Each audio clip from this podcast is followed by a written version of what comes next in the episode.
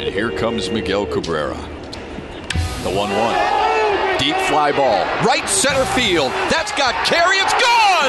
Number 500 and history for Miguel Cabrera. Fly ball right center. Deep. Got a chance! 500! Miguel Cabrera has done it!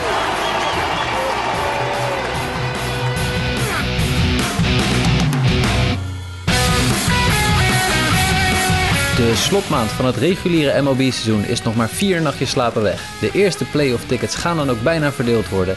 Een goed moment om voor teams toe te slaan of niet te struikelen. Daar gaan we het vandaag over hebben in de Just a Bit Outside podcast van Sport Amerika. Evenals een aantal belangrijke mijlpalen die de afgelopen weken zijn behaald. Mijn naam is Mike van Dijk en ik ben hier vandaag samen met Jasper Roos. Michael, hoe is het? Goed, hoe is het met jou? Ja, prima jongen. Tijd om even weer in de microfoon te ouwehoeren. Precies, precies. Begin jij al uh, zin te krijgen in, uh, in de postseason? Nou ja, MLB heeft van de week de, de data bekendgemaakt uh, waarop de, de postseason en de playoffs plaats zullen vinden. Dus ik kan wel aangeven dat ik eventjes toch in de agenda heb gekeken van welke week moet ik een beetje vrijer beschikbaar zijn dan je normaal gesproken zou zijn. In verband met de, de White Sox die dat waarschijnlijk wel gaan halen. Wedstrijden als in, gisteren... In algemene dan... zin. In algemene zin. Precies, oké. Okay, okay, maar, maar, maar los daarvan, wedstrijden als gisteren met uh, een 17-13 overwinning op de Stadsgenoot. Uh, word je daar dan warm van? Het was best een leuke wedstrijd. ja. Zeer entertaining, was, toch? Daar scoorde hij wel hoog in. Het was geen goede wedstrijd, maar het was wel heel entertaining. Maar we zullen het er straks nog even over hebben. Voor de mensen die het willen weten, Wildcard Weekend, oktober, uh, 5 oktober... Uh, voor de EL, 6 oktober voor de NL. 7 tot 14 oktober zijn de EL en NLDS. 15 tot 24 oktober de ALCS en de NLCS. En de World Series gaat van oktober 26 tot november 3. En we gaan ervan uit dat MLB en de MLBPA op dit moment geen playoff expansions meer gaan uitvoeren. Je weet het nee, natuurlijk dit, nooit. Dit is, dit is hoe het is. dit is hoe het is. Wat ik wel mooi vind, dat ze omcirkeld hadden op hun, uh, op hun graphje dat ze tweeten van deze. Dat is een mooi plaatje gemaakt waar dat allemaal op staat. En daar staan ook de televisienetwerken bij. Hè. Fox heeft uh, dit jaar weer de World Series uh, rechten. de ALCS, NLCS zitten bij Fox, TBS en FS1. de DS's zitten bij FS1, TBS en MLB Network, wat dan weer opvallend is de NL Wildcard op TBS en de AL Wildcard op ESPN. En er stond er ondertussen haakjes in het klein. En also ESPN 2. Yes, want ESPN 2 doet de Statcast broadcast al het hele jaar. Met Jason Benetti en uh, Mike Petriello en Sarah Langs. En uh, dat gaan ze dus ook voor de playoffs weer doen dit jaar. Dat vind ik leuk. Dat is altijd wel extra interessant om even naar te kijken en mee te krijgen. Krijg je toch een hele andere kijk weer, of in ieder geval... minder, minder A-Rod en Oh, altijd minder A-Rod is goed, maar meer, meer, meer Jason Benetti en meer Mike ja. Petriello is sowieso al goed. Je, leert, maar, je steekt er veel van op. Ontzettend veel, ja. Het is echt een heel goed. Is, je moet even zoeken voor een, een streampje ergens online, want het is niet zo dat we in Nederland ESPN 2 uh, Statcast broadcast krijgen, maar ze zijn te vinden. Dus. Ja, nou dat is in ieder geval goed nieuws. Het is nog iets meer dan een maand te gaan. Uh, maar de, ja, de diverse divisieraces worden er uh, een stuk spannender op. Uh, en in de AL East zijn het de Tampa Bay Rays en de New York Yankees. De Yankees die op dit moment 13 wedstrijden op rij gewonnen hebben. De, de Rays staan op 5. maar met name de Yankees hebben het, het gaspedaal gevonden en drukken dat de laatste anderhalve week flink in. Alles klikt ineens. Zelfs met een team dat niet 100% fit is. Want ze missen natuurlijk nog steeds Gleyber Torres. Die staat op het punt om een rehab assignment te gaan doen. Ehm, is natuurlijk niet. Gio Urshela pas net terug. Dus het was niet een, een offense die op zijn allersterkste was. Maar het, het, klikt op dit moment heel goed. Het loopt als een trein. En dat is, ook wel eens leuk. Het is natuurlijk een heel erg uh, up-and-down jaar geweest. Voor niet alleen de Yankees overigens. Want als je kijkt naar vrijwel alle kanshebbers voor de playoffs in beide leagues. Denk ik dat er maar weinig teams echt een constant jaar hebben gehad. Ik bedoel, de Tampa Bay Rays is één team dat vrij constant gepresteerd heeft. De Houston Astros de Atlanta Braves en de San Francisco Giants, die vier divisieleiders, zijn vrij constant geweest dit jaar. Die hebben nooit lange losing streaks gehad, nooit diepe dalen gehad. Maar ja, goed, de Yankees komen net van een, een 13-game win streak af. Maar daarvoor hadden ze wat, 13 eh, van de laatste 20 verloren of zo. Uh, dus die zijn heel erg up en down. Boston hebben we het al vaker over gehad met Sander natuurlijk. Die zijn ook, uh, hebben ook het lek nog niet gevonden. Toronto natuurlijk ook vooraf ingeschat als een mogelijke kanshebber. Dat schiet, komt er ook niet heel erg uit. De White Sox zijn vreselijk up en down dit jaar. Daar heb ik het al een paar keer over gehad in de show. Die wisselen echt fabelachtige reeksen af met een reeks dat je denkt... nou, ze zijn allemaal vergeten hoe je moet honkballen. Uh, vorige week in game 3 tegen de Tampa Bay Rays overigens. Dat uh, komen we zo meteen nog een, uh, krijgen we nog een uh, mailbag vraag over.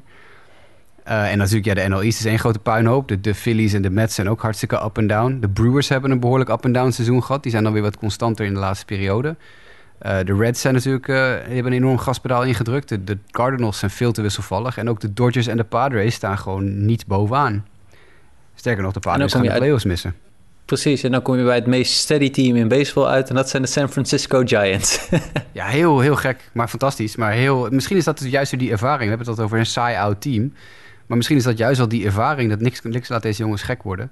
En ze presteren ontzettend constant. En de Dodgers zijn ook gewoon goed. Maar ja, de Dodgers kunnen op een of andere manier toch San Francisco niet goed bijhouden.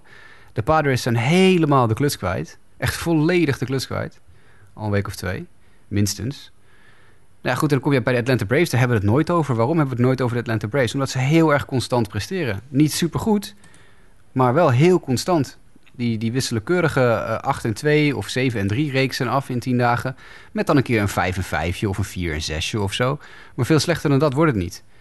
Uh, en ik bedoel, hun run differential is niet om over naar huis te schrijven, plus 88. Dat toont dus aan dat ze heel ja, minimaal spelen. Maar ze winnen genoeg om gewoon bovenaan te staan. Natuurlijk een slechte divisie. Maar ze spelen eigenlijk heel constant honkbal. De Astros, hetzelfde verhaal. We hebben het weinig over de Astros. Ja, die, die, het zijn geen 10 0 of 13 0 reeksen zoals de Yankees nu laten zien. Maar het is allemaal 6 en 4, 7 3, 8 en 2. En ze verliezen er nooit meer dan 4 in 10 dagen of zo. Het gaat allemaal heel, heel, heel constant. Ja, en, en, en dat, de, de, Braves... De, de Braves zeker ook de laatste uh, twee weken hebben ze even in ieder geval een, uh, een goede reeks neergezet. Hè. De laatste tien wedstrijden 8 uit 2. Als je kijkt op, uh, op Fangraphs, ja, die geven hun al bijna 90% om de divisie te winnen. Ook omdat de, de Phillies echt aan het, aan het wegzakken zijn. En ja, de Mets ook nog niet echt eh, een goede reeks weten neer te zetten. Maar er kan daar nog van alles gebeuren. Laten we dat eh, in ieder geval nog wel uh, zo Ja, nee, absoluut. Maar er kan in meerdere divisies nog van alles gebeuren. Kijk, voor hetzelfde geld... en, en de Rays doen dit natuurlijk allemaal ook zonder Tyler Glasnow... en, en zonder ja, de, de, die, dat soort jongens. Um, het, ja, Corey Kluber komt nu terug bij de Yankees. Ik denk, weet nog niet of ze daar nog heel veel sterker van worden. Maar met Ushella terug zometeen... En zometeen ook Glaber terug... Intussen kregen de Yankees ook goed nieuws dat Severino inmiddels weer een bal op mag pakken en gaan, mag gaan gooien voor, uh, in zijn rehabilitatie, revalidatieproces. Ja. Dus er komt wel wat goed nieuws uit New York nu. En deze reeks is natuurlijk gewoon heel erg, ja, is fantastisch. We hadden een paar jaar geleden de Indians die er wat 21 op rij wonnen of zo. Ja. Um, maar daar zijn we natuurlijk nog niet. Maar het is, uh, ja, 13 op rij, dat doe je ook niet even zomaar. Nee, ik zag de Yankees volgens mij voor het eerst sinds 47 zo'n beetje dat ze 13 uh, op rij hadden, hadden gewonnen. Of geloof dat het record ergens staat op uh, uh, 17 of iets dergelijks. Voor de Yankees, ja. Voor de Yankees, precies. Dus ja. ja, nou ja, en inderdaad maandag Corey Kluber die, die start. het gekke is, wij geven wel vaker behoorlijk af, zeg maar, ook op de, op de Yankees. Maar dat is vooral omdat... Hè, ik ben benieuwd hoe goed dit team ook is in oktober. Of we dan weer de bekende gaten vallen in de pitching die we de afgelopen jaren hebben gezien. Uh, nou, en daar, daar komt natuurlijk maar die starting pitching is niet onaardig gebleken tot nu toe. Maar ja, tegelijkertijd, het is ook niet dat je, waar we het eerder over hebben gehad. Er zitten er zekerheidjes tussen. Nee, precies. Nou, kijk, neem, neem, een, neem een Jameson Tyone. Daar heb ik twee afleveringen geleden de loftrompet over gestoken. Niet iedereen hoort dat, maar dat is toch echt wel zo gebeurd. Uh, is dat, dat Tyone is gewoon... Ja, die heeft zich fantastisch ontwikkeld dit seizoen. Uh, voor het seizoen was dat helemaal niks. De eerste twee, tweeënhalve maand van het seizoen was het echt brandhout. Maar die jongen die heeft op een of andere manier toch een soort groove gevonden, een soort flow gevonden. Waardoor hij in ieder geval zijn team niet uh, in enorme gaten gooit. En op een of andere manier in staat is om, om toch productief te zijn in die rotation. Die natuurlijk ook Cole gemist heeft of mist. Uh, al een tijdje weg, die komt dan terug. Uh, het, het, het, is, tuurlijk, het, het, is nog steeds het is geen foutloos team. Maar ze zitten nu absoluut in een, in, als je het over golfbeweging hebt, bovenop de hoogste golf van het seizoen. Ja. De vraag is nu alleen, en dat is altijd zo bij teams die niet constant presteren. Daarom ja, is altijd het inschatten van teams die redelijk constant presteren voor een World Series titel iets beter dan teams die heel erg up en down presteren. Want als je een team bent dat zo extreem up en down presteert als de Yankees, de White Sox, de, nou ja, wie heb ik nog meer opgenoemd net? Noem er nog een paar van dat soort, van dat soort teams op. Dan weet ik, dan moet je, als je tegen een hot streak aanloopt in de playoffs, ja, dan kan je zomaar de titel pakken. Als je gewoon twee weken heet bent in de playoffs, dan wil je, dan wil je de World Series. Maar als je twee weken zo koud bent... Na twee jaar terug. Ja. Nou ja, precies. Neem de Washington Nationals toen. Ja, dat was natuurlijk ook een heel opvallend team. In zover dat die in de eerste helft van het seizoen helemaal niks waren. En vervolgens de hele tweede helft van het seizoen bijna niks meer verloren. Dus die hadden niet zozeer een golfbeweging gedurende het seizoen. Die hadden gewoon een rechte lijn omhoog vanaf halverwege het seizoen. Dus die zaten in die flow. Maar ja, als je natuurlijk een team hebt dat de ene keer 13 wedstrijden op rij kan winnen, maar de volgende week ook gewoon 13 van de 20 kan verliezen. Ja, dan weet ik niet of je heel erg veel kans gaat hebben op een titel.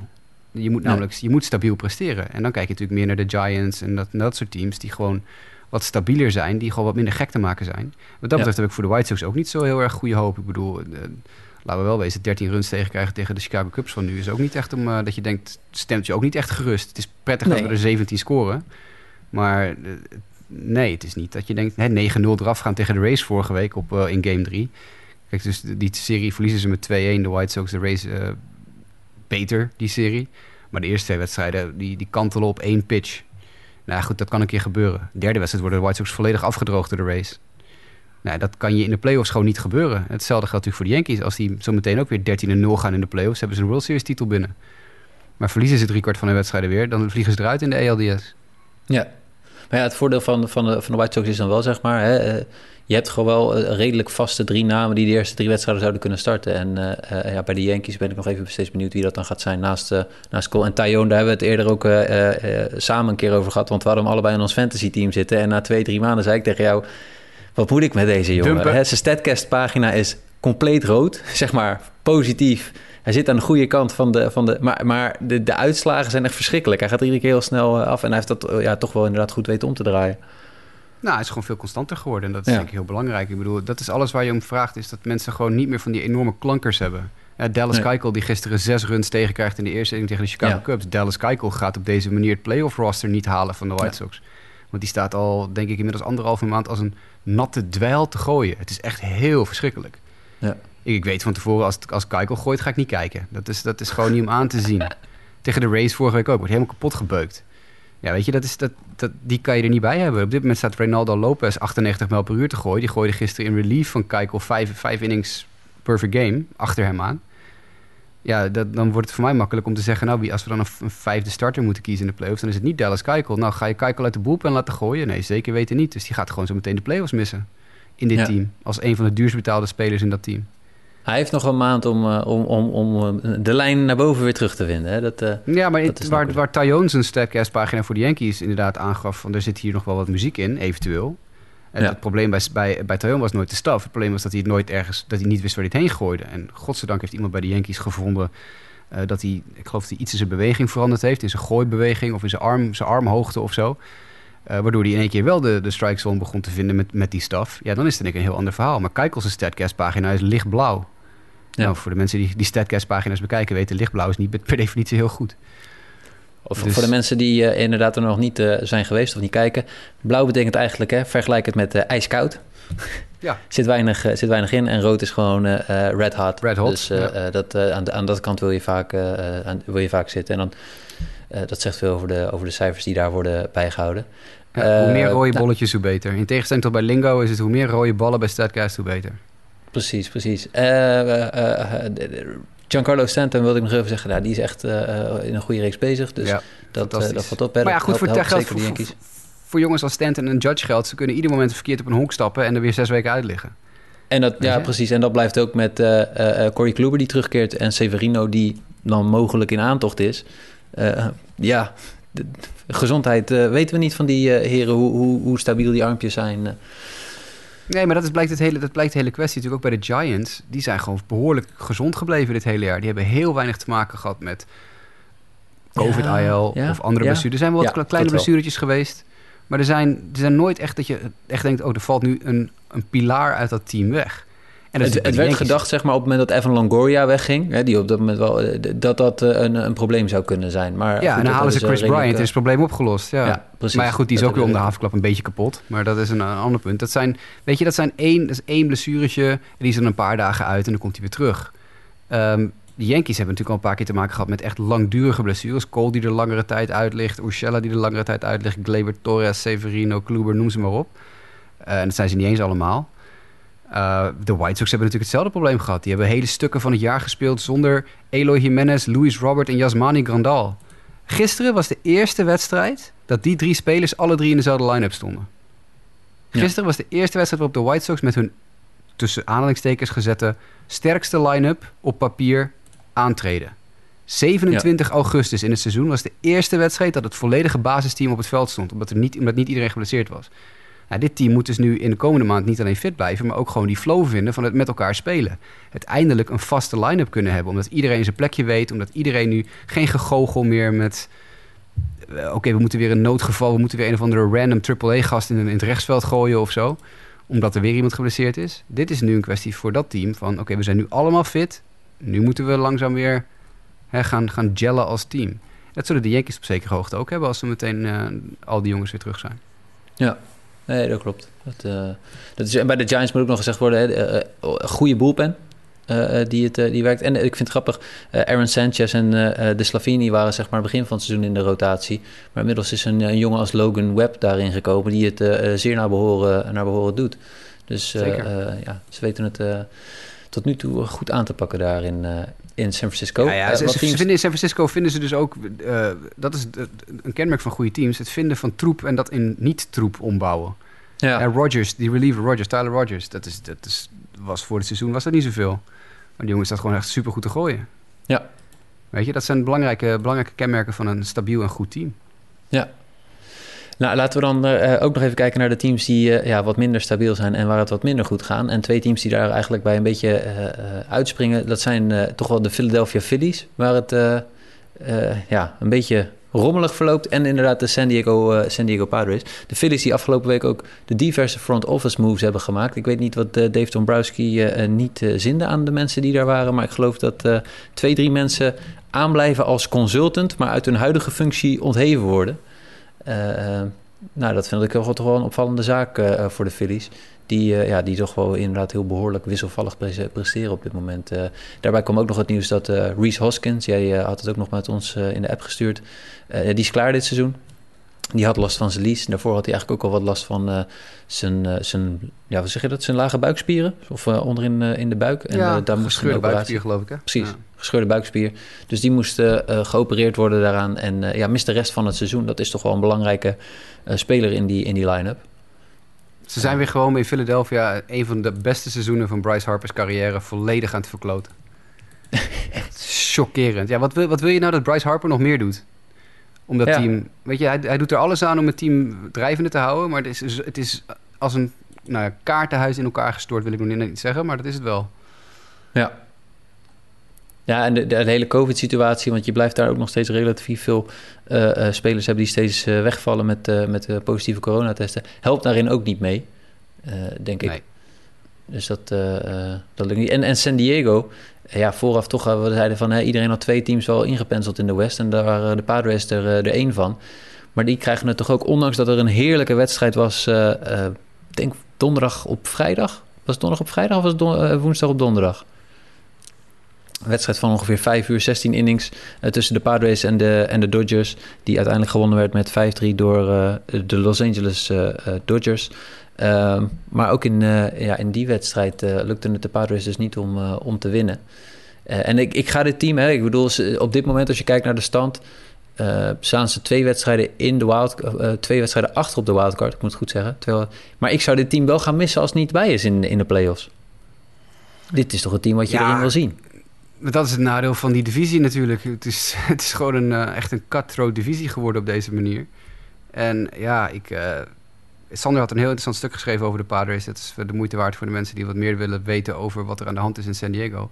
Ehm, ga even naar sportamerika.nl en dan naar de MLB-tak en dan vind je daar het stuk van Sander. Ehm, ja, natuurlijk, aan de ene kant wil je natuurlijk dit team. Je wil dat soort spelers als, als Tatis en zo wil je. En Jay Cronenworth, laten we niet vergeten dat Jay Cronenworth mijn eh, grote vriend is. Ehm, Hoe heet je fantasy team ook alweer? Even voor de zekerheid. Cronenworth, Cronenworth Park. Cronenworth Ah, Park. kijk. Ja, ja, ja. Ja, naar, ja, eh, ja. naar de beroemde Frank Boeien Kronenburg Park. eh, fantastische Nederlandstalige track. Cronenworth Park, ja, nee, het gaat hartstikke goed. Maar los daarvan, je wilt natuurlijk jongens als Tatis wil je in de playoffs zien. Eh, Darvish weer terug nu bij de Padres, eh weer geactiveerd. Die wil je terugzien. Een van de mensen die het meeste spinrate problemen hadden sinds de sticky stuff in de band werd gedaan. Dus dat is even interessant om te monitoren wat er allemaal met Hugh Darvish gaat gebeuren. Ehm, ja, nee, aan de ene kant wil je natuurlijk dat team zien. Aan de andere kant, ja, weet je, er zijn maar zoveel plaatsen. En ja, als je toevallig drie teams in één divisie hebt zitten die allemaal behoorlijk meedoen voor de playoffs, dan wordt het misschien wel eens een beetje tricky. Dus Ik heb hier een, eh, een pagina voor me staan. En ik ga even heel kort. eh, eh, ik, ga, ik ga een vraag aan jou stellen. Nou, even kijken, ga ik dat als vraag stellen? Kan ik? Ja. ehm, Er zijn eh, vijf spelers die op dit moment eh, bovenaan staan in OPS. En er is er maar één van die naar de playoffs gaat. Wie denk je dat het is? In league-wide of alleen de National League? League-wide. Ja, Vijf spelers in de top 5 van OPS en dan gaat er maar één naar de naar de playoffs. Mogelijk zelfs, moet ik zeggen. Mogelijk, ja, oké. dus dat, dat, dat maakt het nog groter. Eh, is niet hij, niet hij, niet hij. Is het, is het eh, Max Muncy? Oeh, close. Mansi staat negende. Nee, die staat negende. Oh. Je hebt er net wel twee Eh. genoemd die er sowieso niet bij gaan zijn. Of nou, sowieso niet, die er niet bij gaan lijken te zijn. Ja, Tatis. Tatis, bij. precies. Gaat- Ongekend ja. wel met die 35 homer en zo in eh, nog geen 100, wed- 100 wedstrijden. Ja, Otani gaat natuurlijk ook niet naar de playoffs. Precies, Die staat ja. ook tussen. Ja, die staat vierde. Mm, ik zit nu even, probeer nu even sluggers te bedenken van teams die niet naar de playoffs gaan. Je had er net goed, eentje van, bij het andere team dat we besproken hadden. Eh, ja, was, is het een Yankee of niet? Je zei, wa- wat moet deze speler nog meer doen om zijn team naar de playoffs te Ja, krijgen? Bryce Harper. Ja, natuurlijk. Bryce Harper. Ja, ja, fantastisch seizoen. Ja, Jeetje, dit is wel Ja. moeilijk. Ik zit het oprecht nu even uit mijn hoofd te doen. Ik heb geen flauw idee wat ik... die, eh, die laatste is eh, Vladimir Guerrero. Maar de man die Oh dus tuurlijk, wel naar de playoffs lijkt te gaan, lijkt, Jesse Winker. Ja, maar dat is het team waar de Padres nu mee in de clinch liggen voor de wildcard plek. Hè? De tweede wildcard plek, de Cincinnati Reds. Dus dat is, Ja. dat is het enige team waar zij zich nu druk over moeten maken. ja, Dat is, eh, maar als je inderdaad nou, Jesse Winker zelf natuurlijk al langdurig geblesseerd. Staat al een tijdje niet meer op het veld, geloof ik. Maar dat is een ander punt. Ja, nee, precies. Maar goed, als je het lijstje gewoon even bekijkt. Tatis, Harper, Guerrero, Otani. Nou ja, dan krijg je Winker, Castellanos, eh, Soto. En dan kom je bij Votto, Muncy en Olsen. Oh, Soto was een goede gok geweest. Als ik niet, dat niet op eh, die andere was gekomen. Ja, Spelers, spelers die niet de playoffs halen, maar wel hoog OPS hebben. maar we missen echt wel eh, eh, in de, in de postseason eh, een hoop sluggers als, als deze niet halen. Dat is Ja, opvallend, Het blijkt toch? ook maar weer dat je meer nodig hebt in je team dan alleen één slugger. Ja, ja. Ja. Hm. Wijsheid. Ja, Die ook kan sluggen. wie ook kan sluggen. Ja, ja. De man... Dit is een mooi bruggetje, zeg. Ik, ik zat er twee dagen naast vorige week na de aflevering. Maar op zondag was het geloof ik dat Detroit Tigers en Miami Marlins legend Miguel Cabrera zijn 500ste home run uit zijn carrière sloeg. Eh, het was in eh, Toronto bij de Blue Jays. Als ik het mij goed herinner. Zeg ik dat goed? Ja. En gisteren was er een ceremonie in Detroit... waarin zijn eh, dochters, geloof ik... de countdown tot aan de 500ste home run in het Tiger Stadium... de 499 veranderde in een 500. Maar 500 home runs, dat is... eh, ja, dat was toch wel een mooie... eh, ik, ik- hij- het was een mooie home run, toch? Heb je, heb jij nog, heb je hem gezien?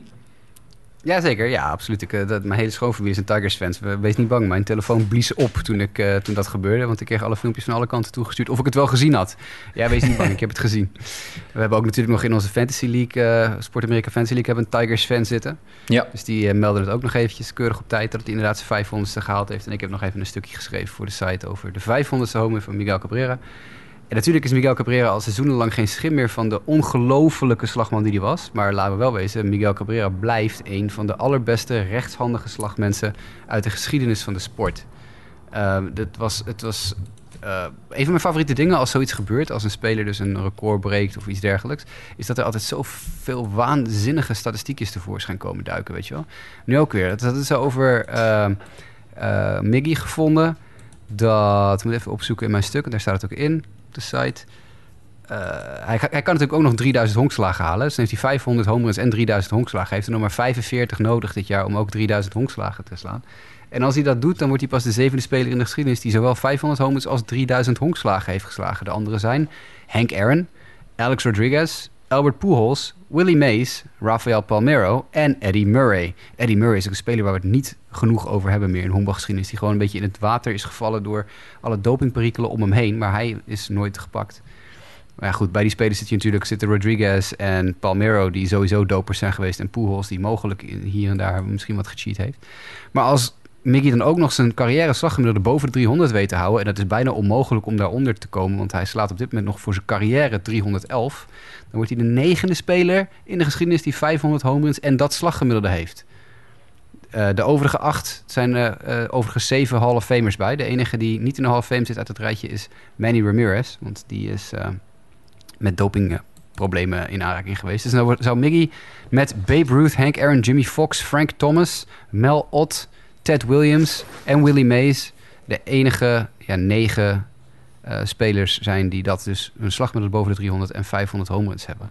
Nou, dat geeft nog een keer aan wat een ongelofelijke speler dit is en is geweest. En, en het, het, eh, hoe, hoe raar het eigenlijk is dat hij zoveel slechte laatste jaren heeft uit zijn carrière, waarin hij gewoon echt niet goed is en nog steeds zo waanzinnig hoog in de historische lijstjes komt te staan. Dat is toch fantastisch? Ja. Eigenlijk, eigenlijk is dat iets wat we moeten koesteren op dezelfde manier zoals we jongens als Otani en Trout en, en dat soort jongens eh, bespreken. Ik durf het bijna niet te zeggen, hè, maar stel jij eh, hebt een, eh, een Hall of Fame blaadje en jij mag stemmen. En het laatste kruisje komt neer op, op twee spelers. De ene heet Albert Pujols en de andere komt neer op Miguel Cabrera. Dan stem ik op Miggy. Ja, ik, ik, vind, ik vind het een boeiende namelijk. Ja, toch? Nee, ik stem op Miggy omdat Pujols... Kijk, Miggy heeft, like, heeft wat vijf jaar of zo, de laatste vijf jaar... dat hij gewoon niet, niet, heel, niet heel best is. Drie, drieënhalf, vier jaar. Ja, Ik bedoel, Pujols is eigenlijk al gewoon de laatste tien jaar niet goed. Vanaf het moment dat hij bij de Angels tekent, is, hij, is Pujols een bovengemiddelde speler, maar geen superster. Kijk, zijn jaren bij de Cardinals was hij de beste speler op aarde. Maar de laatste tien jaar is het helemaal niks. nee. Of helemaal niks. Is het gewoon echt niet goed. Miggy was net als, als Pujols de meest gevreesde speler op aarde. Uh, maar die was het veel langer. En vanaf veel jonger ook al. Miggy was 19 toen hij de World Series won met de Marlins. Ja, dat zou kunnen. Ja, Hij Ja, was eh, volgens mij rookie in kijken. 2003. hè? 20. Ja, 20. 20. Ja, een rookie in 2003 toen hij met de Marlins op zijn 20ste dus de, de, de World Series al won. En daar was hij een belangrijke eh, rol, had hij een belangrijke rol in dat team. Bedoel, daarnaast heeft hij twee MVP awards, 11 All-Stars, 7 Silver Sluggers, 4 batting titles, een Triple Crown. Volgens mij, eh, dat zeg ik even uit, maar volgens mij heeft Pujols nooit een aanvallende Triple Crown gewonnen. Eh, twee World Series eh, optredens, één, één titel natuurlijk voor Miggy. Nou, daar heeft Pujols eh, heeft een, ook wel aardig wat World Series eh, tripjes gehad, twee of drie geloof ik. Ehm, ik denk dat Miggy unaniem de Hall of Fame ingaat. Ja. en ik denk dat dat niet geldt voor Pujols. Puur alleen vanwege het feit dat Pujols tien heel slechte jaar in zijn carrière heeft gehad. Ja. ja, ik weet ook niet of ze één op als- één als Pujols- als zijn. Pujols- hoor, kijk, maar- als- Ja, nee, maar als Pujols, het stomme is, als Pujols een vijfjarig contract had getekend bij de Angels in plaats van een tienjarig contract, was hij al vijf jaar geleden gestopt met honkballen, want niemand had hem meer een contract aangeboden. Nee. En hij is, dus, hij is nog gewoon statistieken aan het verzamelen nu. Op basis van het feit dat de Angels lange tijd zoiets hadden. Van, nou ja, laat hem maar in de line-up staan. Want we betalen toch zo'n smak geld voor hem. Eh, laat maar staan, weet je wel. En dan verzamel je natuurlijk, dat noemen ze counting stats. Dan ben je gewoon heel erg gewoon je, je, je statistieken dingetje aan het, aan het verbeteren... met alleen maar gewoon heel veel spelen. Harold Baines, hetzelfde verhaal. Harold Baines, eh, terwijl hier een politiehelikopter heel laag overvliegt... dus als je heel veel lawaai hoort, is dat het. Ehm, Harold Baines is natuurlijk een paar jaar geleden de Hall gegaan met eigenlijk precies hetzelfde idee. Die heeft gewoon die heeft heel indrukwekkende statistieken, maar heeft ook echt van 24 jaar of zo in de league gezeten. Waarin hij de laatste 10 jaar alleen maar gewoon, ja, z- gewoon zijn- runs en zijn RBI's meepakte. Ja, dan, dan telt het natuurlijk snel op. En dat gevoel heb ik bij Poels ook een beetje. Ga, gaat Poel, ja, de- de- ik heb twee vragen. Eén is, hè, Miguel staat nog eh, onder contract voor nog twee seizoenen. En daarna heeft hij nog de opties voor twee andere seizoenen. Eh, is het zinvol voor Miguel om nog te blijven spelen die komende twee jaar tot zijn veertigste? Of denk je dat hij misschien, nou, als hij die Ja. 3000 zit, heeft dat hij ook al zou kunnen afzwaaien? Nee, ik denk dat hij het wel vol maakt. Het is te veel geld om te laten liggen, denk ik. Maar de opties Ja. is denk ik een ander verhaal. Nou ja, de, de, vraag is, kijk maar, je hebt bij Poels op een gegeven moment ook gezien. Als er op een gegeven moment een nieuw talent komt voor die positie, dan krijg je een andere rol en heb je daar dan nog, eh, nog zin in. Nou ja, goed, kijk, Miguel Cabrera die zit nu in een rebuildend team. Ja. Dus het is niet zo dat de Tigers geen geld hebben. Er zit niemand in dat team die veel geld verdient. Dus ze, Nee, kunnen nu, juist nu, kunnen ze makkelijk eh Miggy betalen. Dat was een paar jaar geleden wel anders. Toen was Miggy had zo'n dik contract. Dat het, en dat de reden dat de Tigers, de goede tussen aanhalingstekens Tigers teams... met de jongens als Verlander en Justin Upton en Johannes Cespedes... en eh, nou ja, Miggy Cabrera en, en, en Ian Kinsler... Die teams konden op een gegeven moment gewoon niet meer spelers halen om het team beter te maken, omdat Miggy zo verschrikkelijk op de begroting drukte. Ja. En dat is nu niet aan de orde. Miggy is nu de enige grootverdiener in dat hele team. Dus ja, ze kunnen hem nu gewoon rustig nog die twee jaar uit laten spelen. En dat andere punt wat ik wilde vragen is, eh, eh, Pujols eh, zit nog steeds onder de Dodgers roster. Hoe lang nog, zeg maar? Denk je dat hij eh, dit seizoen gewoon daar afmaakt? Of dat hij op een gegeven moment daar ook buiten de boot gaat vallen? Want ja, ik, Nou, hij heeft Dat is een goede vraag. Ik denk dat hij wel... eh, Ja, nee, ik denk dat hij een beetje op de bubbel zit. Eh, Ja. de- de- een beetje de Dallas Keuchel playoff roster bubbel. Ja. Ja, nou goed. Want is, is het eh, echt een speler die in de playoffs nou iets voor je kan betekenen? Ja, misschien in een pinch-hit situatie of zo, maar... Nou ja, ik zit nu gewoon even te kijken naar wat zijn, eh, zijn, zijn prestaties de afgelopen twee maanden zo'n beetje zijn geweest. Nou ja, dan zijn het eh, vooral pinch-hit eh, eh, situaties waarin hij erin is gebracht. En ja, hier en daar wel een honkslagje heeft geslagen. Eén keer een home run, dat was toevallig tegen de Angels. Maar voor de rest, het zijn niet echt twee honkslagen of drie honkslagen. Ja, vind je dat, vind je dat nog de moeite waard voor, voor je team? Ja, dat is ook de rol. eh, als de Dodgers fit zijn, dan... eh, dan eh, Ja, maar dan, dan, dan ze- vindt hij ze het misschien... net- Ik bedoel, aan hem zal het niet liggen, want hij zal denken van... Nou, dan heb ik nog de kans om misschien toch nog iets te winnen. Hè? Al is het maar een divisietitel die hij er weer bij heeft. Dan sluit je toch op een prettigere manier af. Maar ik ben benieuwd of hij daar tot zo, zo lang nog op dat roster blijft zitten. Nou goed, de Dodgers hebben net Gavin Lux weer geoptioned, omdat hij het niet goed genoeg deed. En, en ja, kijk, wie heb ik liever op mijn playoff roster? Ik heb wel liever Gavin Lux dan Albert Pujols op mijn playoff Ja. roster. Maar blijkbaar hebben de Dodgers op dit moment liever Pujols dan Lux Ja. bijvoorbeeld. Overigens, gesproken over die Dodgers... Onze eh, landgenoot Kenley Ja- Jansen... die had de duizendste strikeout uit zijn carrière... in die eh, wedstrijd van 16 innings tegen de eh, San Diego Padres... Dat is toch wel een, een... Nou, dat is ook wel een behoorlijke mijlpaal voor een, een reliever. Ja.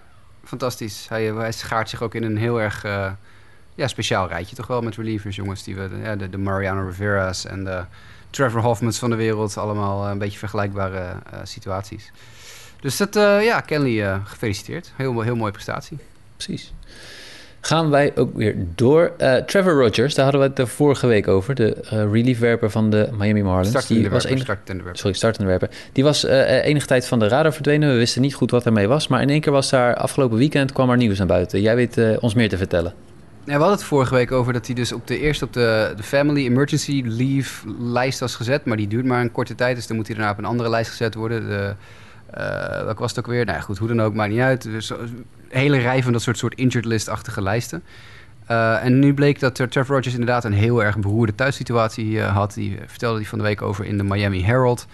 Eh, zijn ouders kregen allebei eh, COVID. En zijn vader herstelde daar vrij snel van, maar zijn moeder helemaal niet. Die werd steeds zieker en zieker en werd op een gegeven moment de helikopter zelfs naar een ander ziekenhuis afgevoerd. En aan de beademing gelegd omdat het zo vreselijk slecht met haar ging. Eh, vervolgens eh, overleden beide opa's van Trevor Rogers in een eh, week tijd. Uiteindelijk is zijn moeder dan wel weer, nou ja, niet, natuurlijk niet hersteld, want het herstel gaat nog heel lang duren. Maar ze is in ieder geval weer wakker en van de beademing af.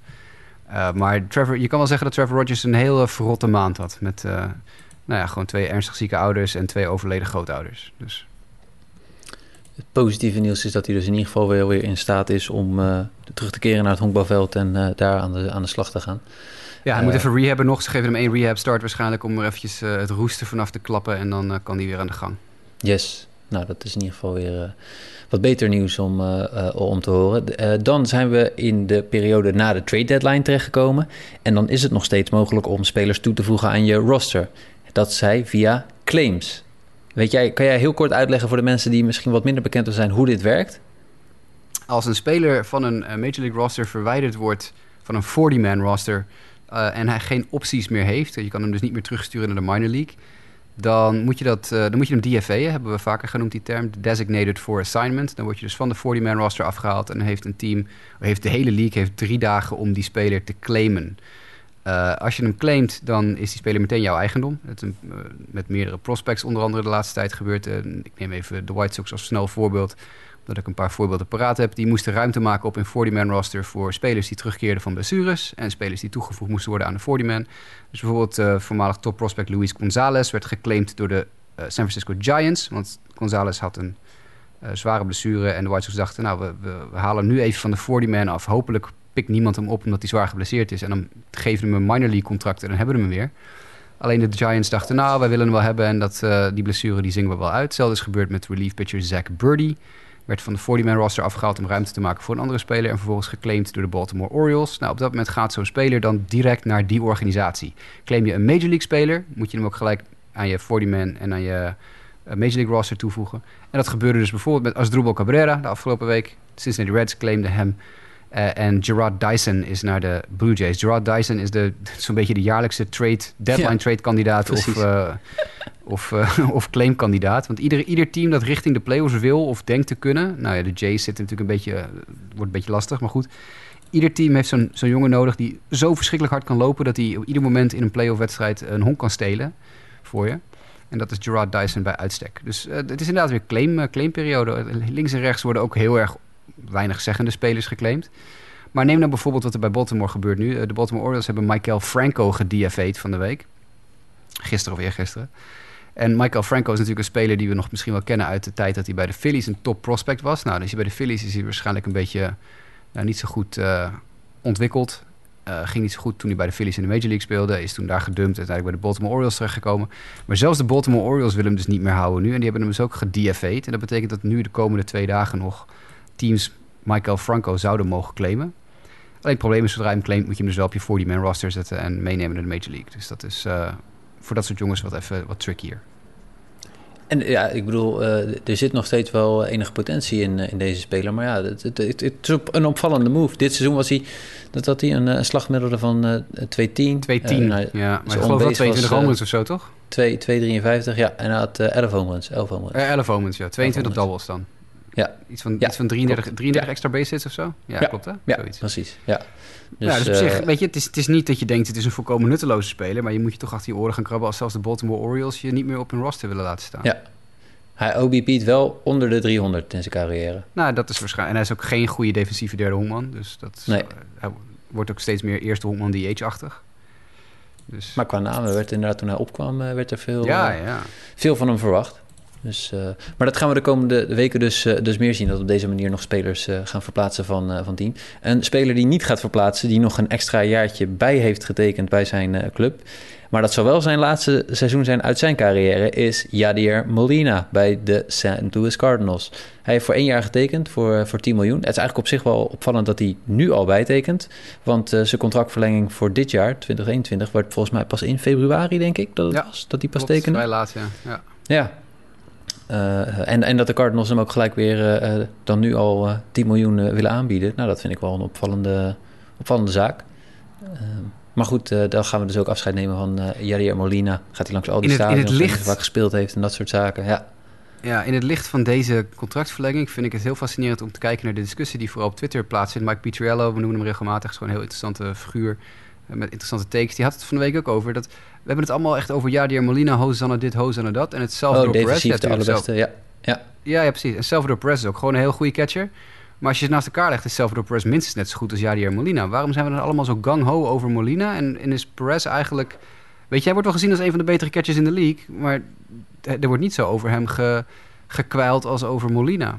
Terwijl als je het goed beschouwt, is Perez eigenlijk gewoon een kruising tussen Mike Piazza en Jadier Molina, geloof ik, zei hij vandaag. Uh. Dus het is, uh, als Molina een Hall of Famer is, wat heel veel mensen nu claimen dat hij zou moeten worden of zou zijn, dan wordt Salvador Perez dat natuurlijk ook, toch? Ja, ja, ja, ja. Dus meer, meer Ja. liefde naar, naar Salvador Perez en eh, iets minder kwijlen over Jadier Molina, denk ik.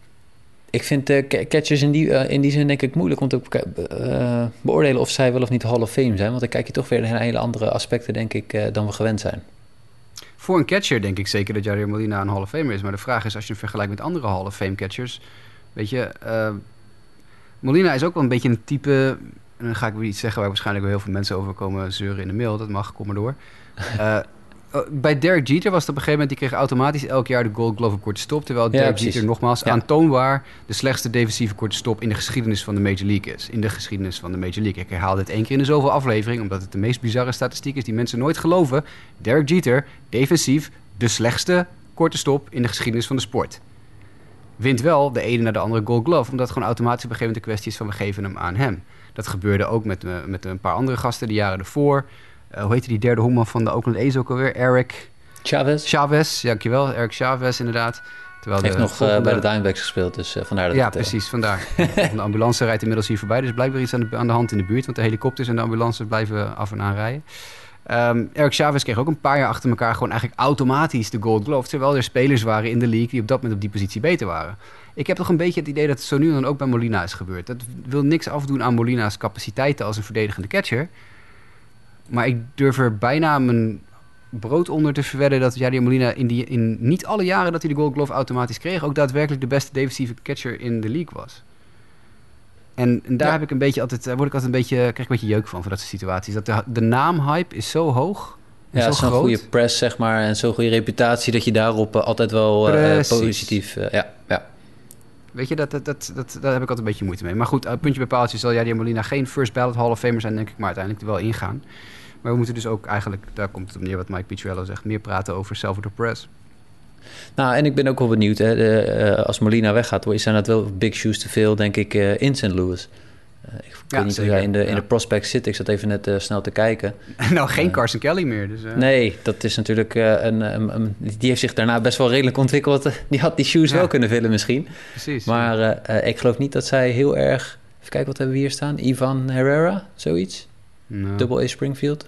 Die staat nog redelijk eh, veel. gerankt. Maar nou ja, misschien dat ze wel de, de free agent markt op gaan om een, eh, om een, een catcher erbij te halen. Maar, Weet je, en eh, het catches zal zijn in ook ieder nog niet, zo... eh, kijk nou even pu- puur beschouwd naar alle goede catches in de Major League. Hoeveel goede catches zijn er? Drie? Vier? Ja, ja. Weet je, de rest zijn allemaal gewoon inwisselbaar.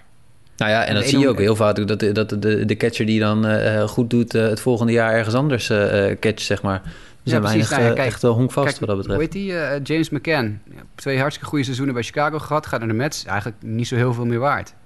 Weet je wel? En intussen Ja. stappen er ook om de havenklap bij ieder willekeurig team. Er staat weer een gast te slaan en denken, wie de, wie de hel is dit? Nou, dat is Ja. dan weer een of andere backup catcher die weer een paar weken lang eh, eh, ja, mag, mag spelen in de majors. Want ja, catchers zijn eigenlijk gewoon inwisselbaar. Tenzij je JT Real Muto bent, Salvador Perez bent, Yasmani Grandal bent. Ja, maar Yasmani Grandal heeft de laatste jaren volgens mij toch ook bij verschillende... Maar dat zeg ik even uit de top of mijn head hoor. Dat kan ik helemaal verkeerd zitten. Ja, die heeft drie, drie teams. Eh, die heeft de Dodgers gehad, de Brewers gehad en de White Sox nu. Eh, wel, eh, ja, ik bedoel, weet je, dat, op een gegeven moment kan je gewoon ergens éénjarig of tweejarig contract tekenen. Of ergens vier jaar, zoals nu in Chicago. Maar ik bedoel, dat zijn denk ik de enige drie, vier catchers, als je Will Smith van de LA Dodgers ook meeneemt, die, waarvan je echt denkt van, nou, dit zijn supergoeie, hè, de, de top van de, van de catchers. Nou, Gary Sanchez zit er dan net, net onder, die is natuurlijk een beetje afgezakt. Maar dan staat er ook eens in de zoveel tijd weer zo'n jongen op als Eric Haas van de Detroit Tigers, die waar we het nog helemaal nooit over gehad hebben dit seizoen, maar die een fantastisch jaar heeft. Een rookie Ja. catcher. Staat echt een fantastisch seizoen te spelen voor Detroit. Ehm, dus eens in de zoveel tijd plopt er weer eentje tevoorschijn. En je denkt, oh, er is weer een catcher. En of Eric Haas groeit uit tot een nieuwe eh, Salvador Perez. Of over twee jaar zit er weer iemand anders achter de plaat bij de, bij de, bij de Tigers, weet je wel? Ja. Ja, en wat dat betreft de twee namen die je ook nog wel redelijk kan noemen dit eh, seizoen. Mike Senino bij de race staat ook echt wel eh, in ieder geval eh, met qua 27 power eh, output goed ook, aan de slag. ja, Ja, zeker. Hetzelfde geldt een beetje Ja, voor Will. Smith natuurlijk bij de Dodgers. Ja, je hebt natuurlijk nog Wilson Contreras. Die vergeet ik nu eventjes omdat hij al een tijdje op de IL staat. Maar die, eh, dat is ook gewoon een van de betere catchers. Ik denk dat hij misschien ook net onder de top 3 zit. Misschien is hij wel gewoon nummer 4, de top 4. Maar ik bedoel, eh, ja, ik zou je niet kunnen vertellen van eh, de helft van de teams wie er op dit moment de startende catcher is. Nee. En ik volg toch best de sport best veel. ja, ja, ja, ja, ja. Kijk, neem, Nee, neem dat, nou zo'n Kyle Hi- Higashioga van de Yankees. Ja. Hele, nuttige, hele nuttige catcher voor ze geweest dit jaar. Super, super nuttig. Is een hele goede speler? Nee. Maar voor, als catcher, heel nuttig. Precies. En catchers kunnen, natuurlijk, catchers kunnen natuurlijk ook een, een nuttige functie hebben. Eh, buiten, kijk, ze kunnen helemaal niet kunnen slaan. Maar als ze Exact. een fantastische wedstrijd kunnen catchen, Ja. dan hebben ze toch waarde. En dat, dat, kunnen we, dat, dat hebben wij nog steeds niet statistische ook onderbouwing voor om dat goed te kunnen bekijken. We kunnen natuurlijk kijken naar framing numbers, we kunnen kijken naar fielding percentage, we kunnen kijken naar pass balls en noem maar op.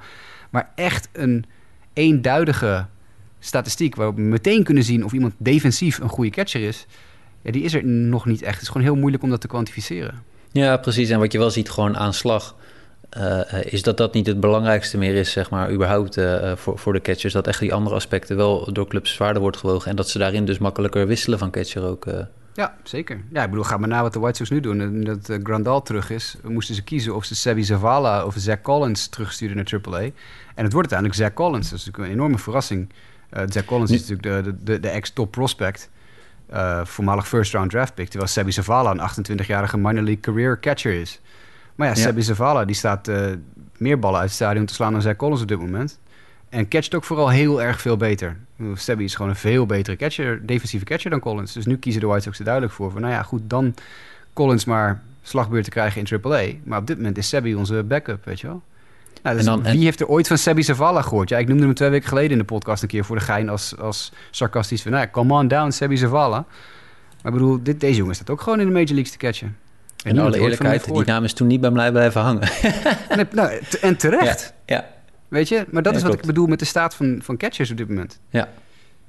Ja, nou ja, dan, eh, maar goed, dan ga ik even een side question aan je stellen. Hè? Want er zijn veel mensen die nu ook, uh, uh, naar de NFL kijken, hun NFL fantasy season beginnen. En dan zijn er ook mensen die zeggen van ja, maar ja, kickers, laten we kickers niet draften en dergelijke. Wat is de positie van de catchers in fantasy baseball?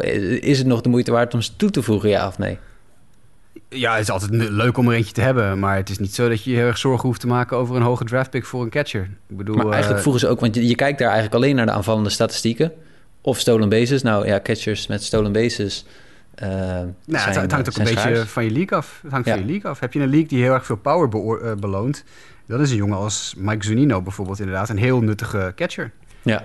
Nou, ik was blij toen ik een paar weken geleden Wilson Contreras kwijtraakte aan de IL... dat bij ons in onze Sport America League Mike Zunino nog een free agent was. Dus die kon ik even oppikken en die heb ik gewoon lekker erin gezet. Nou, die staat lekker home runs te slaan. Doet voor de rest helemaal niks. Had ik ook, ja. Maar ik heb er wel een paar home runs per week bij. Maar als je league dat helemaal... Als je league een OBP league is of als je league een slaggemiddelde league is... Ja, als je, als je een van de top drie, vier catchers misloopt dan kun je net zo goed eigenlijk geen catcher opstellen. Nee, ja, precies. Maar goed, als je de utils uh, uh, slot hebt, dus dat je een utility speler neer kan zetten, dan zou je er ook nog voor kunnen kiezen om een catcher daar op die plek, hè, die dan als een catcher echt heel goed is, om te zeggen van, nou ja, dan op die manier wil ik hebben. Maar het is inderdaad meer een Zeker omdat er, ja, de, de, we hebben het hier al eens gehad over het, team van de maand. Dat, dat doen wij ook nog wel eens op, op Sport Amerika, wat we, wat we dan bijhouden en, uh, en samenstellen. En daar lopen we er ook vaak tegenaan dat die catchers spelen gewoon zo incidenteel. Hè, uh, uh, dat ze niet eens qualifyen eigenlijk om in aanmerking te komen. Ja, dat blijft ja, natuurlijk met fantasy baseball ook een beetje houden. Je hebt een catcher staan, maar je weet ook dat die lang niet, en dat is ook logisch, maar dat die, ja, wat, wat die dan bijdraagt aan je team, blijf ik altijd wel een lastige vinden. Zeker in fantasy. Nou, het is in fantasy ook vaak natuurlijk een numbers game. Ik bedoel, eh, één home run meer of minder kan het verschil zijn. Als je toevallig net een catcher hebt staan die één home run in die week slaat. Ja, ja daar, daar kan je een week op winnen. Dus ja. ik, haal altijd, ik heb altijd een catcher of een, een... Vroeger had ik altijd twee catchers op mijn roster staan. Eentje op de bank en eentje aan slag. Maar dat heb ik nu niet meer. Nu pik ik gewoon één willekeurige catcher. Een Eric Haas of zo van waivers op. En die zet ik er lekker in en die gaat lekker zijn ding doen. Ja, nou, dan krijg jij al, die, al, ja. die DM'tjes over Jadier Molina. Krijg ik alle mensen die vinden dat catchers een plek te verdienen in, in fantasy. uh. komt dat goed, komt dat goed. We gaan door, we gaan door. Want de uh, Cleveland Indians uh, maakte nog een, uh, een opvallende move. James Karinchak werd naar Triple A teruggestuurd. En ja, dat was wel het vermelde waard. Hij werd woensdag volgens mij heeft hij voor zijn laatst in actie gekomen... voor de Cleveland Indians tegen de Boston Red Sox. Kreeg toen ook nog wel wat ballen om zijn oren gemapt. Uh, die het stadion verlieten. Uh, maar dat is opvallend te noemen, want Jasper, jij zei: dit is een van de belangrijke mensen die gebruik maakten van sticky stuff. Volgens de statistieken. Ah, James Karinchak is inderdaad iemand, natuurlijk een werper, die, een reliever die tot de betere relievers in baseball behoorde de laatste twee, drie seizoenen. Uh, vrijwel ona onaantastbaar. En dat, dat maakte natuurlijk van die Cleveland bullpen in eerste instantie echt een, een dodelijk monster. Met Karinchak en dan direct achteraan Emmanuel Classé.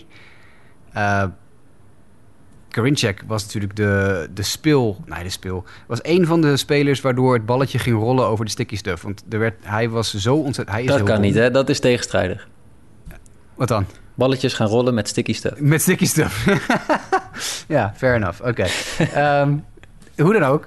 Uh, Karinchak was die speler die zo uh, overduidelijk sticky stuff op zijn op pet en op zijn handschoen had zitten... dat gewoon de camera's van, ik geloof was het uh, NBC Sport Chicago die dat gewoon ingezoomd hadden tijdens de wedstrijd. Zeiden, hoi, kijk eens even mee. Dit is overduidelijk. Hij zit met zijn vinger, met zijn duim. Hè, en een beetje sticky stuff. En een beetje aan zijn vingers te doen, aan zijn pet te doen en aan de bal. Uh, dus James Karinchak is, is overduidelijk een, een gebruiker van sticky stuff geweest. Maar hij is ook een van de spelers waar de uh, spin rate zo ontzettend gekelderd is... sinds de sticky stuff in de ban is gedaan... dat hij eigenlijk helemaal niet meer bruikbaar is als Major League pitcher op dit moment. Terwijl je ziet dat er meerdere andere werpers in de Major League aanpassingen doen. Garrett Cole. De, nou, bijvoorbeeld. Maar er zijn er meer. Hè. Er stond van week een artikel op de Athletic, geloof ik... dat ik ook naar jullie stuurde in de chat.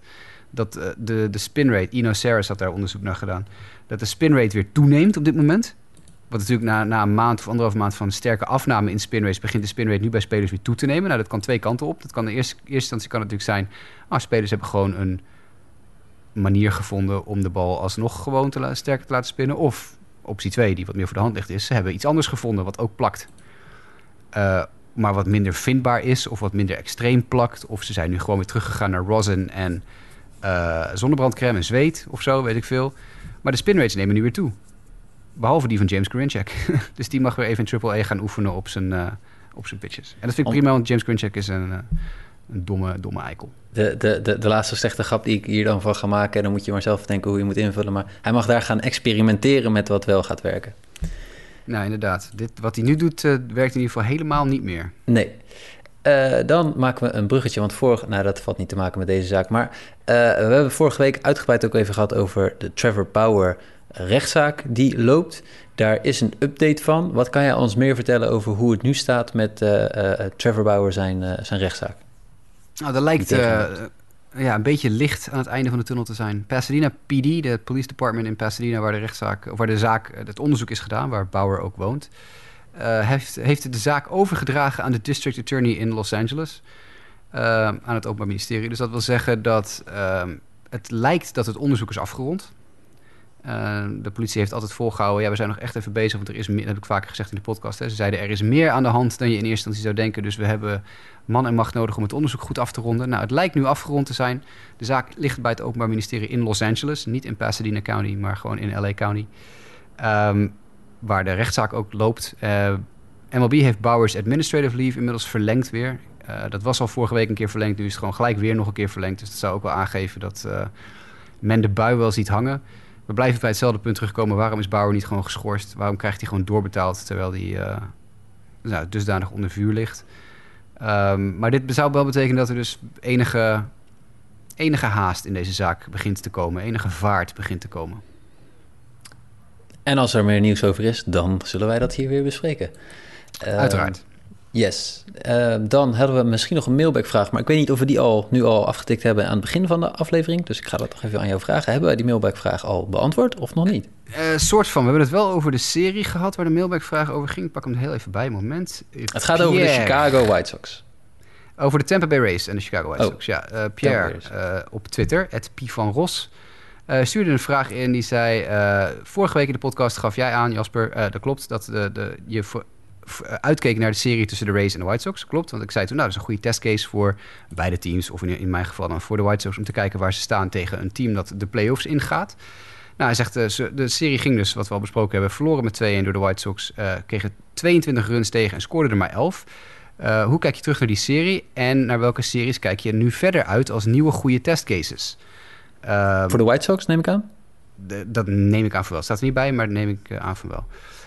Um, Natuurlijk een heel goede vraag. Uh, de serie viel mij natuurlijk tegen qua resultaten. White Sox wonnen de eerste wedstrijd nipt en verloren de tweede met geloof vier runs verschil op één, één pitch die niet goed was.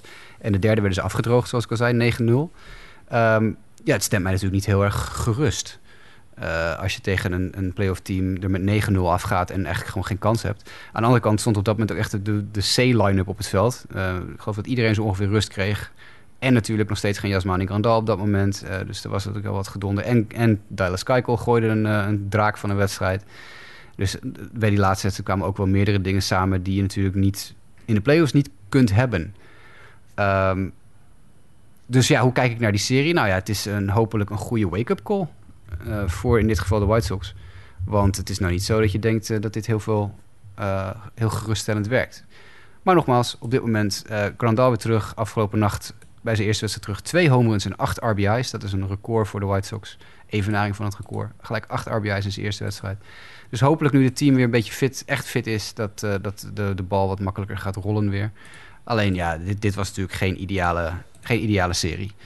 Um, vervolgens gingen ook nog tegen de Blue Jays gingen ze eraf met 2 tegen 1 in de serie. 3, 3 te, uh, 2 tegen 2, sorry, in de serie. En de Cubs scoren natuurlijk 13 runs gisteren. Dus ook niet ideaal. Um, dus ja, het was een goede testcase om wakker te worden. De komende weken zijn wat makkelijker voor de White Sox. Ze hebben nu de Cubs, de Pirates en de Royals. Dat is uh, makkelijk. En dan heeft uh, Pierre het over een volgende testcase-serie waar ik uh, me druk over moet maken. En dat is er eigenlijk is dat maar, is er maar één week nog. De White Sox hebben een cakewalk schedule. De rest van de het is echt. Ik zal ze meteen voor de gein voorlezen. Je lach je, je, lach je in slaap zo meteen. De, de, enige testcase-serie is eigenlijk een, week. Die loopt van 7 september tot 12 september. Dat is de week de make or break week. Dan hebben ze drie keer de Athletics en drie keer de Red Sox op een rij. Uh, dat is denk ik de wedstrijd, uh, dat is de week waar het om gaat. Het is drie keer uit in Oakland. Nou, daar spelen ze nooit goed. Oakland natuurlijk ook een team dat uh, nog mogelijke playoff aspiraties heeft. In ieder geval goed in, de, in hun vel zit. Red Sox zijn wat minder goed in hun vel, maar blijven de Red Sox. Die krijgen ze thuis in Chicago.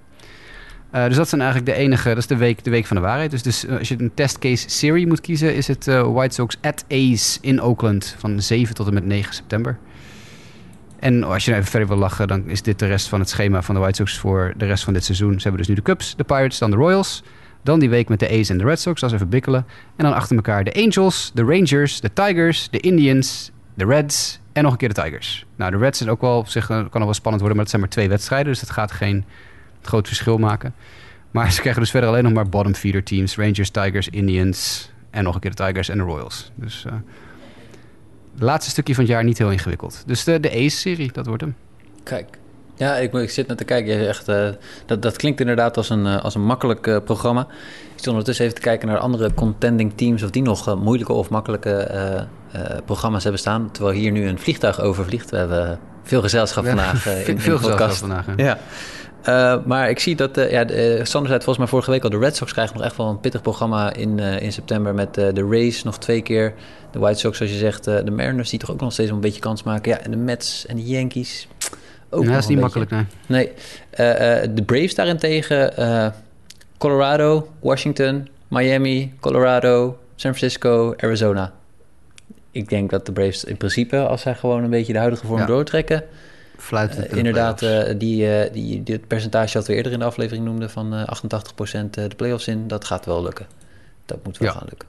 Ja, ja, ja, Dat moet wel gaan lukken. Even kijken. dan hebben we nog even heel kort wat blessures te melden. Namelijk Reese Hoskins, dat hebben we al gemeld, klaar dit seizoen. Kenta Maeda is volgens mij ook klaar dit seizoen, want die heeft een operatie ondergaan aan zijn elleboog. Uh, Patrick Sandoval, de werper van de Los Angeles Angels, heeft een stressfactuur in de rug, is ook klaar dit seizoen. Steven Piscari heeft een operatie aan zijn pols ondergaan, is klaar dit seizoen. Dan Tehai Antoon, zeg ik dat goed zo? TJ. TJ. TJ, TJ. Ah, ja. TJ Antoon. Uh, Tommy John surgery, hmm, helaas, die gaan we dus ook... TJ voor TJ. Oké, okay, die had ik nog niet gezien. Ja, TJ, TJ, ja. Uh, uh, dus die. En ja, ik, ik heb dit erin gezet, maar ik weet niet, heb, heb je het gezien? John Boy is op dit moment bezig met een soort rondtour langs de stadions. Ik zie af en toe wel een filmpje op Twitter langskomen, ja. Ik, uh, ik heb het zelf hier en daar is wel vermakelijk. Hier en daar denk ik van, nou ja, ze zitten helemaal on the high... en iedereen, alle spelers genieten ook van John Boy. Dus het is, het is mooi om hen ook te zien samen met die spelers, zeg maar. Uh, en zo waren ze bij, uh, bij de Milwaukee Brewers... En, en mochten ze de sausage race lopen... Alleen John Boy himself poelde een hammy toen hij net voorbij home plate kwam en een inhaalrace in wilde zetten. En nou, dat zag er niet zo best uit, zeg maar. Hij is ook niet, een, uh, wat dat betreft, een heel erg atletisch iemand. onze grote vriend Jimmy O'Brien. Dus, Nee, nee, precies. Dus, dat, maar het was wel, ik, mocht je het zien, er staat een gedetailleerde analysevideo uh, daarop. Maar ook hij zal dus denk ik, uh, ja, meestal vier tot zes weken denk ik dat daar uh, ja, voor staat. Die, dat, die gaat wel Tristan McKenzie van de Indians ook nog naar de IL met shoulder fatigue. Is de moeite waard om, om te melden, want die jongen stond echt... Heel goed. pikte hem aan het begin van het seizoen als, als rookie of the year. Nou, daar hebben we in de eerste twee maanden hartelijk om gelachen. Ja. Maar sinds, sinds hij terugkwam uit AAA, want hij is toen naar AAA teruggestuurd... heeft daar een paar dingen ja, uitgevogeld of zo en kwam terug... en is sindsdien echt onaantastbaar. Ja. Dus wat jij in het preseason al in hem zag, is hij nu denk ik, uh, ja, heeft hij gevonden. Maar Alleen ja, helaas prijs is, voor. Uh, ja, ja nu, shoulder fatigue nu, net even iets te veel gegooid. Maar op zich, shoulder fatigue is niet zo'n big deal. Ik bedoel, Carlos Rodon is net tien dagen op IL geweest, ook met shoulder fatigue, tussen aanhalingstekens. Uh, dat kan natuurlijk ook gewoon even zijn van, we geven hem rust voor de playoffs, in het geval van Rodon. Ja. En met McKenzie is natuurlijk ook, je wil dit soort jongens niet over de, over de kling jagen in één seizoen. Je hebt, nee. je hebt ze nog langer nodig. Hij heeft nu laten zien wat hij kan. Want het was echt het is heel erg indrukwekkend als je af en toe naar die gozer kijkt. Ja. Zeker als je ziet dat zijn benen echt... Uh, nou ja, zijn bijnaam is Stix. Nou, dat is wel logisch, want uh, die benen zijn echt luciferhoutjes. Hij is zo'n... Ja, ik wil zeggen, ja, de grappige verschijning. Maar dat is gewoon omdat hij zo on... on ja, ontzettend groot is, is, en heel onnatuurlijk ja. oogt dus op die, op die heuvel. Hè. Heel uh, relatief mager, maar heel lang. Ja, hij, is, hij, is, niet relatief mager, hij is gewoon hij is broodmager. Ja. het is echt heel verschrikkelijk. Ja. Maar dat maar is hij kan zo, verschrikkelijk goed pitchen ook. Dus, Precies, ja. ja. Dus dat is wel... Uh, en nog een kleine win voor, uh, voor Mike van Dijk uh, richting uh, je pick voor... Hij gaat Rookie of the Year natuurlijk niet winnen. Nee, ik wil net zeggen. Maar, nee, nee, nee, maar het is, het is het feit dat jij dat in hem gezien hebt... Want ik, in de preseason hadden we wel zoiets van... nou, dat is wel heel erg een stretch. Maar na zijn eerste twee maanden hadden we echt niet gedacht... dat hij überhaupt nog kon pitchen. En wat hij nu laat zien is ace-materiaal. Volgens mij is het een van mijn weinige... en misschien dat ik Walker Bueller nog als Cy Young kandidaat had staan. Misschien. Eh, dat dat ongeveer mijn enige twee eh, eh, dingetjes zijn die dan een beetje in de buurt komen. Want voor de rest, Lucas Giolito komt natuurlijk helemaal niet in de buurt daar. Nee, nee, dat ik ook. Dus de, go- de gokjes passen, pakken over het algemeen niet goed uit. Maar dat, dit dan, dat er een, een, klein beetje positiviteit in zit, dat is nog wel leuk. Hebben we verder nog dingen om te bespreken? Nee, volgens mij niet, denk ik. Nee, ik denk Nee. het ook niet. We zitten er doorheen keurig op één uur. Dat is netjes. Kijk, dat is mooi. Nou, mocht je een vraag hebben, net zoals eh, eh, Pierre had. Pierre, zeg goed? Pierre, dank Ja, voor je vraag. Eh, dan kan je dat naar ons mailen, at just a- naar justabitpodcast.gmail.com. Je kan ons ook een bericht sturen via Twitter. Dat kan naar justin.jwkev. Dat kan naar jasper.jasperoos. Dat kan naar mij, mdijk90. En naar Sanne Grasman, dat is grasmansd. Of naar onze Sport Amerika social media kanalen. Dat natuurlijk ook. Eh wij hopen Pierre, weer snel had de weg gevonden naar mijn DM's. En dat blijkt toch wel goed te werken. Want die e-mail... Kijk, dus eh, mocht je mailen, dan kan het iets langer duren voordat, voordat we goed. Eh, Maanden. Yes. Nee, dan... ja, oké. oké. Eh, in ieder geval hartelijk dank voor het luisteren. En eh, ja, tot snel weer. Dank je, eh, Jasper. Ja, jij bedankt. Mike. Yes, je volgende week. Yes. But it's a one-out base runner for Bryce Harper. That one's out to left center field. On the run is McCarthy. It is gone! It slips right over the small fence. A two-run opposite field home run. And Yasmani will swing from the left side.